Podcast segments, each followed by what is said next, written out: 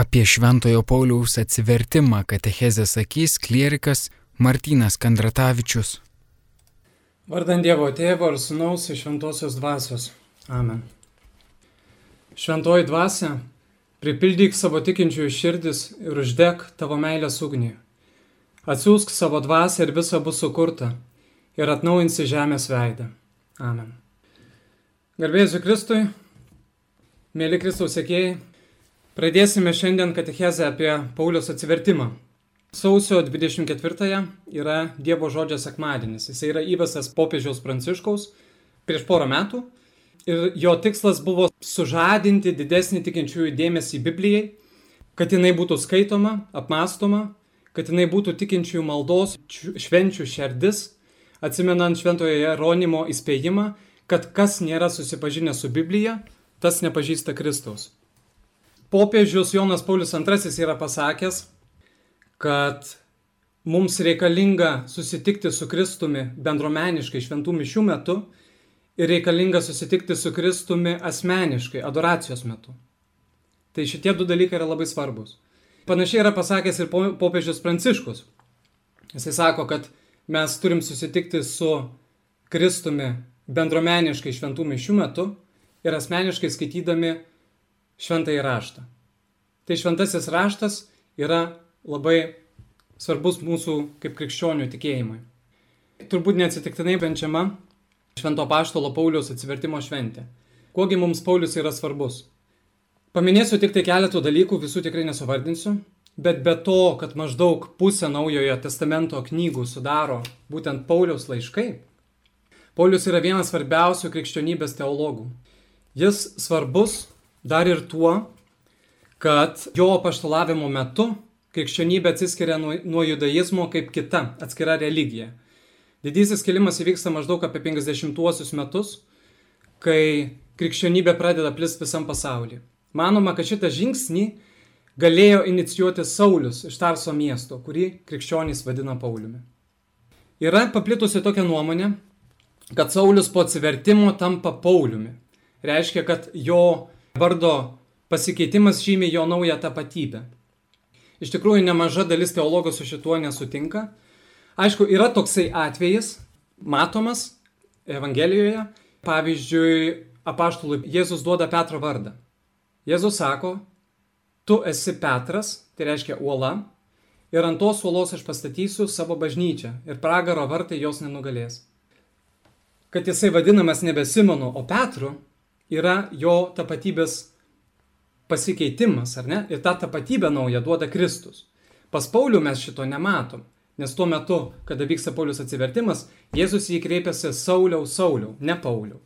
Tai jeigu ir įvyksta kažkoks Paulius gauna naują tapatybę, tai bent jau tai nėra taip akivaizdu, kaip Petro atveju. Kitas galimas paaiškinimas, kodėl jo vardas yra dvigubas, kodėl jis turi du vardus, Tai yra tas, kad Jėzus laikais žydai, ypač tie, kurie gyveno už Palestinos ribų, dažnai turėdavo du vardus. Vienas jų būdavo semitinis, o kitas būdavo romėniškas. Paulius pats buvo iš Tarso miesto. Tarsas buvo priekybos miestas, tai buvo tam tikra kryškelė, ten buvo daugybė priekybos gatvių kirtosi, buvo daugybė kalbų, papročių, kultūrų, pažiūrų. Ir tame mieste kur buvo e, keletas kultūrų susipinę, buvo labai populiaru turėti du vardus. Pauliaus žydiškas vardas buvo Saulis. Mes Saulių žinome iš Senojo testamento, tai buvo pirmasis karalius Saulis. Saulis iš Benjamino giminės. Ir Paulius yra Saulis ir Paulius yra iš Benjamino giminės. Taigi Paulius turi vardą Saulis, kurio aišku didžiuojasi, nes tai yra žydiškas, semitiškas vardas, o Pauliaus vardas yra graikiškas, kurį jis greičiausiai, nors nėra žinoma, gavo jau ankstyvoje vaikystėje.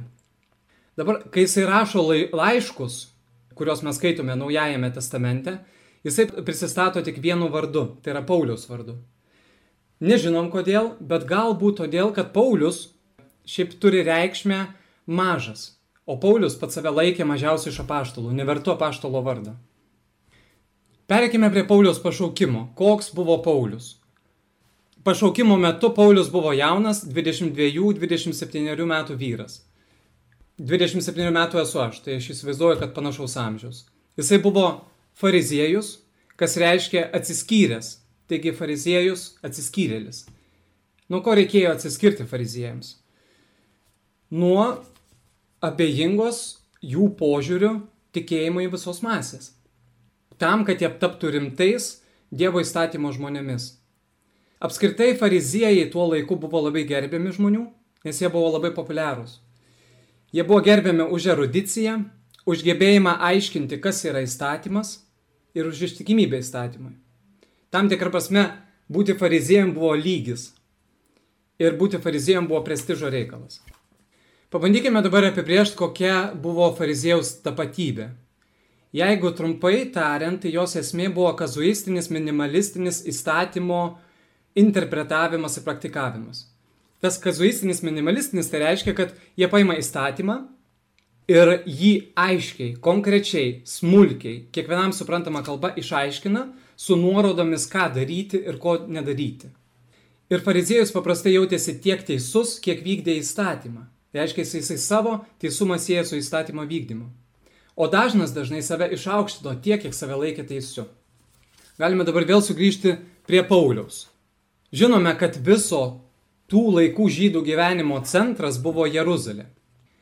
Jeruzalė buvo kultūrinis, religinis centras, kur virė visas šitas gyvenimas. O jeigu dar konkrečiau, tai pats centras buvo šventykla, apie kurią viskas sukosi. Ten susiburdavo rabinai ir perduodavo savo tradicijas. Pauliaus gyvenimo tyrinėtojai sako, kad Paulius atvyko į Jeruzalę maždaug apie 15 metus po Kristaus ir jam tuo metu turėjo būti maždaug 15 metų. Atvyksta 15 metų būdamas ir ten susiduria su labai intensyviu fariziejų sąjūdžiu ir greičiausiai pats asmeniškai e, apsisprendžia jam priklausyti. Aišku, yra svarstymų, kad fariziejizmą jisai galėjo paveldėti ir iš savo namų, iš tėvų namų, Taigi Saulis, e, Paulius gauna formaciją Jeruzalėje. Ten jisai susipažįsta su fariziejų maestro Gamalieliu, jo pačiais klėstėjimo metais. Yra žinoma, kad Paulius jau atvykdamas į Jeruzalę yra labai slavinęs. Ką tai reiškia? Tai reiškia, kad Paulius sugeba interpretuoti įstatymą. Jis jau pažįsta raštus, jisai moka diskutuoti, Jis moka pagrysti savo nuomonę.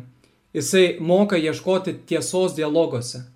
Ir toks Paulius, entuziastas, būdamas uolus ir užsidegęs, jisai randa mokytoją Gamalielio asmenyje. Kaip vėliau jisai pats rašo, aš išėjau mokslus prie Gamalielio kojų. Taigi Paulius. Paulius yra uolus, Paulius yra užsidegęs, entuziastingas, be galo atkaklus, jisai be proto myli įstatymą. Jam įstatymas yra Dievo įstatymas, tikrai nemažiau. Ir jisai semėsi išminties iš, iš Gamalielio asmens. Galime įsivaizduoti, kaip Paulius dalyvauja liturgijoje, kaip jisai gėda himnus ir psalmės Dievui. Ir kaip prieš Paulių atsiveria visas religinis Izraelio paveldas, į kurį jisai nerė stačia galva. Dabar, kada mes matome raštus, nuo pat pradžių, nuo pat pradžios knygos, Mes skaitom, kaip Dievas sukuria žmogų ir kaip Dievas nubrėžia žmogui ribas, ką jis darys ir ko jis nedarys, kad gyventų. Ir mes nuolat visam šventajam rašte matom daugybę žmogaus suklupimų, nuopolių, kaip žmogus nusideda tam įstatymui. Mes matom, kaip Izraelio tauta yra nelaisvėje, Egipto nelaisvėje ir kaip Dievas ją išveda. Kur girdėta istorija, kad išveda visą tautą. Dievas iš nelaisvės. Tada mes matom Dievo tautą tremtyje. Ir visose šitose patirtyse, visoji šitoj duobės būkliai, žmogus kelia klausimą, kaip galėjo taip nutikti ir ką daryti, kad pakiltų iš tos duobės būklės. Ir atsakymas šventajame rašte, kuris yra randamas, tai yra priimti Dievo įsakymą, vykdyti įsakymą. Tai Paulius visą šitą studijuoja. Ir kaip jisai turėjo mylėti įstatymą. Kiek jam turėjo būti brangus arba kiek Dievo įstatymas. Tai ar galėjo Paulius būti abejingas visoms šitoms judaizmo vertybėms, kurias propaguoja farizeizmas? Turbūt negali. Dabar visame šitame farizeizmo kontekste Paulius atsiskleidžia būtent kaip krikščioniško kelio persekiotojas. Jis labiau negu kiti jo amžininkai suvokia, kad krikščionybė turi kažkokį pavojingą užtaisą jo įstatymo supratimui. Kitaip tariant, jisai jaučia pavojų savo tapatybei, nes jis save tapatina su įstatymu. Kiek aš laikausi įstatymo, tiek aš esu fariziejus. Be teisumo jo gyvenimas prarastų prasme ir kryptį. Ir kas yra tas pavojingas užtaisas ir kaip jisai išmuša Paulių iš vėžių? Kas nutinka su tuo entuziastingu, kovingu ir atkakliu įstatymo sergėtoju ir vykdytoju? Kodėl Paulius išmušamas iš vėžių kelyje įstatymo ekspertus? Paskaitysiu jums ištrauką iš apaštalų darbų 9 skyriaus, kur yra aprašomas Pauliaus Sauliaus pašaukimas arba atsivertimas. Tuo tarpu Saulis, tebe alsuodamas grasinimais ir žudynėmis prieš viešpaties mokinius, nuėjo pas vyriausiai kunigą ir išgavo raštus Damasko sinagogoms, kad užtikęs to kelio sekėjus vyrus ir moteris, galėtų juos suiminėti ir gabenti į Jeruzalę. Kai atjojo netoli Damasko, staiga jį apšvietė iš dangaus šviesa. Nukritę žemėn jis išgirdo balsą. Sauliau, Sauliau, ką mane persekioji? Jis klausė, kas tu esi viešpatie? Šis atsakė, aš esu Jėzus, kurį tu persekioji. Kelkis, eik į miestą, tenai tau bus pasakyta, ką turi daryti. Jo kelionės draugai stovėjo be žado. Jie girdėjo balsą, tačiau nieko nematė. Saulis atsikėlė nuo žemės, bet atmerkęs akis nieko nebematė. Paėmę už rankų, jie nuvedė jį į Damaską. Jis tris dienas išbuvo neregintis, nieko nevalgė ir negėrė. Taigi Paulius susitinka Kristų. Ir po šito susitikimo viską savo gyvenime turi perkainioti iš naujo. Kyla klausimas, tai kaip Paulius tada ima vertinti savo paties praeitį judaizmo kontekste ir kaip mum ją vertinti. Akivaizdu, kad Paulius didžiuojasi savo praeitįmi. Rašo savo laiške filipiečiams, jei kas nors tarėsi galys pasitikėti kūnu, tai aš pirmutinis, aštuntą dieną apipjaustytas, kilęs iš Izraelio tautos, Benjamino giminės, žydas iš žydų, įstatymo tiksliai besilaikantis fariziejus, uolus bažnyčios persekiotojas, be priekaištų vykdęs įstatymo reikalaujantį teisumą. Paulius iš viso va šitame trumpame tekstuke, kurį perskaičiau, išvardina septynis titulus, kuriais save apibūdina. Paprastai tariant, jeigu Paulius konkuruotų su kitais fariziejais tuo, ką jisai pasiekė, niekas negalėtų jo nurungti, nes jisai surinka absoliučiai visus įmanomus titulus, pačius aukščiausius ir aukštesnius už savo bendramžių. Šį kartą plėtodamas savo temą, kurią pasirinkau, apsistosiu tik tai ties paskutiniuoju iš tų titulų, be priekaištų vykdęs įstatymo reikalaujamą teisumą. Tai yra ta paskutinė aplikacija, kurią priskiria savo. Raktinis žodis čia be abejo yra teisumas. Teisumas Senojo testamento požiūriu tai yra maksimumas. Kaip mes jau kalbėjom, kaip Senajam testamente, ką reiškia pakilti iš dobės būklės ir ką reiškia mylėti Dievą savo širdimi, tai reiškia paklusti įstatymui, laikytis įstatymų. Tai šitas teisumas pagal įstatymą yra šimtukas iš valstybinio egzamino, aukščiau negalima gauti. Ir tą šimtuką Paulius priskiria savo. Taigi mes negalim įsivaizduoti Pauliaus kaip įstatymą nuvertinančio, kad jis sakytų, ai, čia nebūtina laikytis jo. Net ir krikščionių, būdamas, Paulius beprotiškai myli įstatymą. Įstatymas jam buvo ir išliko Dievo įstatymu, ne mažiau. Ir prieš, ir po atsivertimų. Dievo įstatymas, ne mažiau. Taigi, ar Paulius kuo nors skyrėsi nuo mūsų laikų žmonių, kurie siekia išgyventi Dievo slėpinį, kurie siekia išgyventi dieviškosios anapusinės tikrovės apraiškas. Paulius šitas apraiškas, šitą anapusybę, Dievo realybę bandė užčiuopti įstatymę ir stengiasi atitikti joms savo veiksmuose ir mintise. Ir turim pripažinti, kad jam tai puikiai sekėsi. Vis tik kaip fariziejų Paulių užtinka krizė. Ir dabar, kalbant apie fariziejaus krizę, čia iškart turim įvardinti, kad problema nėra, kad įstatymas būtų nevertingas. Ir ne problema, kad Paulius siekia teisumo. Tai kur ta problema? Ogi problema ta, kad Paulius savo tapatybę sieja su fariziejišku teisumu. Jis buvo savim patenkintas. Jo teisumas buvo jo kaip žmogaus savirealizacijos pilnatvė. Jis manė, kad jam nieko netrūksta. Tik tai po ilgų metų, po ilgų apsvarstymo metų Paulius apibūdina teisumą, šitą teisumą kaip teisumą pagal kūną. Tai reiškia, kad joks teisumas nėra atviras dieviškai tikroviai. dvasios principui. Žmogus, kuris siekia tik tokio teisumo, negeba atsiverti, atsiverti Dievo transcendencijai, kitokiai realybei. Teisumo pagal kūną siekiantis žmogus lieka savo žmogiškoje sistemoje. Iš tikrųjų, fariziejų situacija buvo paradoksali. Viena vertus jisai siekia teisumo, taigi ir Dievo teisumo, tačiau pats principas, kuriuo artumas siekiamas, yra pasmerktas Dievo netras ten, kur jisai yra ieškomas.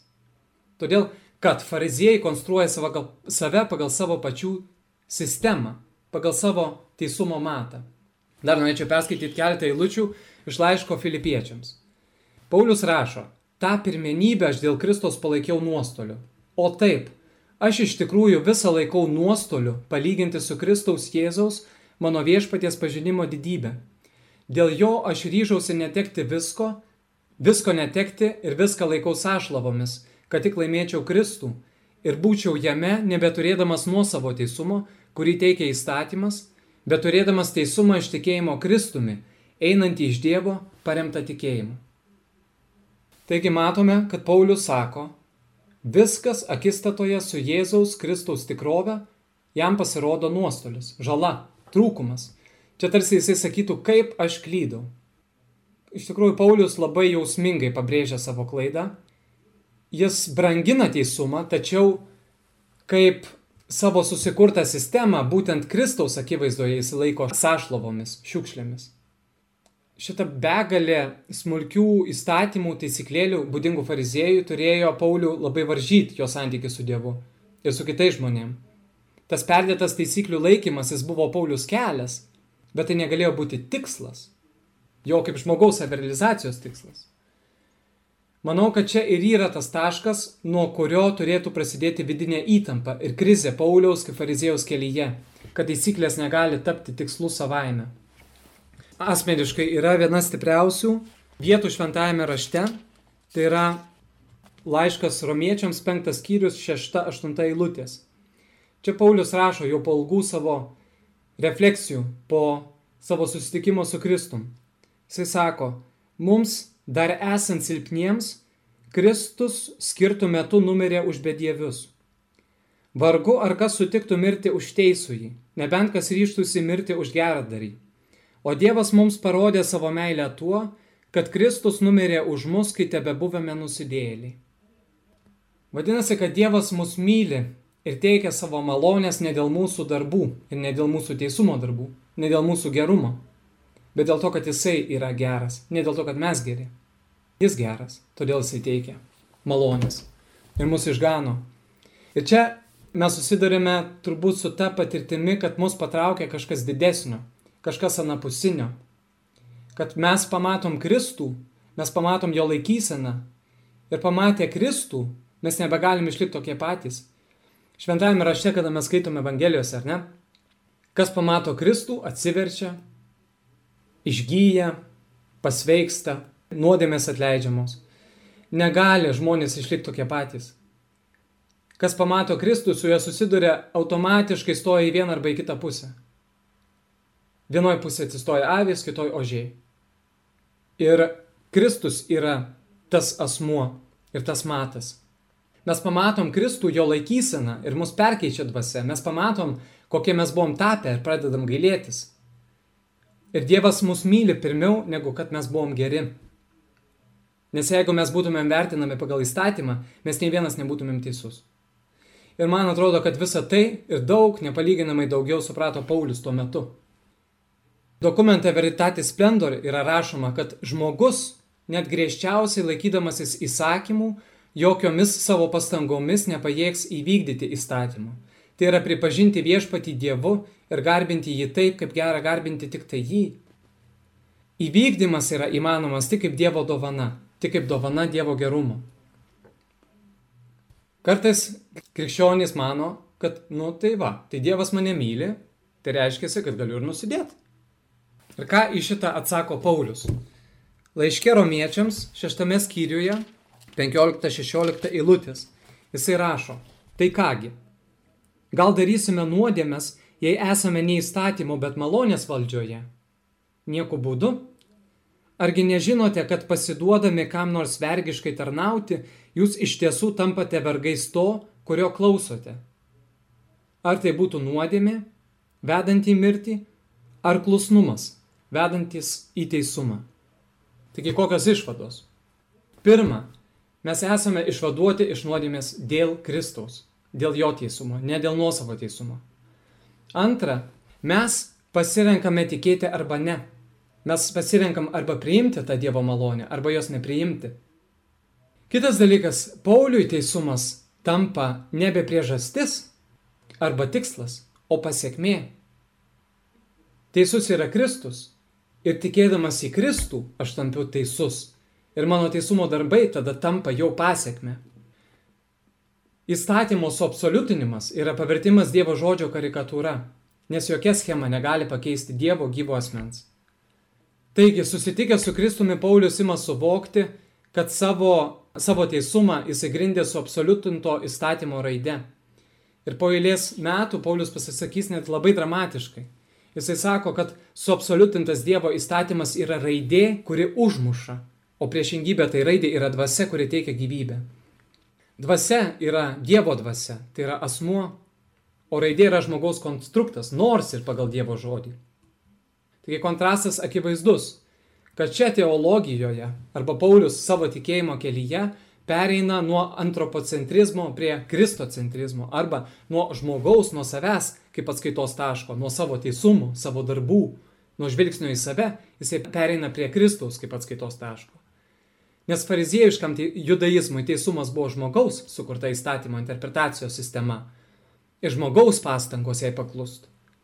Atitiksiu raidę reiškia būsiu teisus. O krikščionybėje vietoj šitos sistemos atsiveria Jėzaus Kristaus, mirusio ir prisikėlusio tikrovė. Žmogus, kuris susiduria su šita Kristaus tikrove, suvokia, kad jam reikalingas išgelbėjimas. Jisai suvokia, kad išgelbėtas bus ne dėl skrupulingų savo pastangų, bet dėl Dievos galios gelbėti tai, kas yra silpna ir trapu. Taigi Paulius, kada susitinka Kristų, jisai turėjo suprasti visą krikščionišką religiją. Aš esu Jėzus, kurį tu persekioji. Jis turėjo suprasti įsikūnymą. Jis turėjo suprasti nulatinę Jėzaus pilną savo identifikavimą su mokiniais. Kad jis yra mistinis, kad mistinis Kristaus kūnas yra bažnyčia. Vadinasi, kad Jėzus, kuris kreipiasi į jį, kad jis yra prisikėlęs, jisgi buvo miręs ant kryžiaus. Jeigu jisai prisikėlęs ir persikiojimas, reiškia jisai gyvas. Pauliui tampa aišku, kad visą tą laiką, kada jisai manė, kad tarnauja Dievui, iš tikrųjų jisai priešinosi jam. Visos jo misijos buvo tikrąją tą žodžio prasme velniop. Jisai persekiojo krikščionis, jisai kišo juos į kalėjimus, jisai pritarė Stepono nužudimui, užmėtymui akmenimis. Jisai turėjo tą suprast, kad jis Jėzų persekiojo tuo metu. Nors laikė tai teisumu. Ir po tokios patirties, po tokio susitikimo su Kristumi, Paulius praregi po trijų dienų prie Damasko ir ilgiems metams pasitraukė į tylumą. Taigi, ką toks Paulius sako mums šiandien, ką išgirstame mes? Paulių Dievas ištiko kelyje. Čia aš neturiu omenyje kelyje į Damaską, bet labiau turiu omenyje tą kelią, kuris apibūdina mūsų santykių su Dievu, tą mūsų dvasinį kelią. Mes visi, kurie trokštam Dievo artumo, šią prasme esam kelyje. Ir Dievo troškulys, Dievo artumo troškulys visada reiškia kaip troškimas daugiau. Tai yra dvasinė patirtis. Ir Paulios patirtis kalba apie tai, kad Dievas ateina pas juos, kurie ir išėję jo ieškot, kad Dievas yra jau pirmas ir mūsų laukia. Ir šitame kelyje link Dievo, nors mes dažnai stengiamės, bet savyje turėtumėm atpažinti fariziejų, įsikibusi griežtų normų, ribotų normų, įstatymų, sutvarkingai sustiguota savo teisumo sistema. Pauliui krikščionis yra naujas žmogus. Ir naujo krikščionio būvio Paulius niekada netraktuoja vien tik tai kaip atitikimo vien tik išoriniams standartams. Tai reiškia, darysi tai, nedarysi to bet žvelgia iš esmės kaip į naujos kokybės būvį. Žinoma, kad reikalingi ir išoriniai dalykai. Jie labai reikalingi. Bet Paulius perdėlioja jų tvarką, jų hierarchiją. Normaliai yra tokia schema, kad Dievas myli žmogų, žmogus priima Dievo meilę ir pamilsta save, jis save priima kaip Dievo dovanota jam pačiam ir kitam. Ir tada žmogus pajėgus ir kitą priimti kaip dovaną ir save dovanoti kitam. Ir be Dievo meilės tai yra neįmanoma. Taigi Pauliaus atsivertimas yra tam tikra prasme universali patirtis. Atsivertimas yra trejopas. Galima sakyti, kad yra trys tipai. Pirmasis yra, kai mes atsivertimas kaip perėjimas iš kitos religijos į krikščionybę. Antrasis tipas būtų atsivertimas kaip perėjimas iš netikėjimo į tikėjimą. Ir trečiasis tipas būtų atsivertimas kaip perėjimas iš formalaus, iš tradicinio tikėjimo į gyvą tikėjimą. Manau, kad, kad trečiasis tipas apibūdina geriausiai Pauliaus patirtį. Kad jis perėjo iš formalaus tikėjimo į gyvą tikėjimą su Dievu. Perėjo į santykį su Dievu. Ir man atrodo, kad tai turėtų būti kiekvieno mūsų patirtis. Bent jau aš jos visiems mums linkėčiau. Išgyventi tą atsivertimo patirtį ne kartą, nes mes ir suklumpam ne kartą. Tai to visiems mums ir linkiu. Palaimintos dienos. Ačiū. Kalbėjo klierikas Martinas Kandratavičius.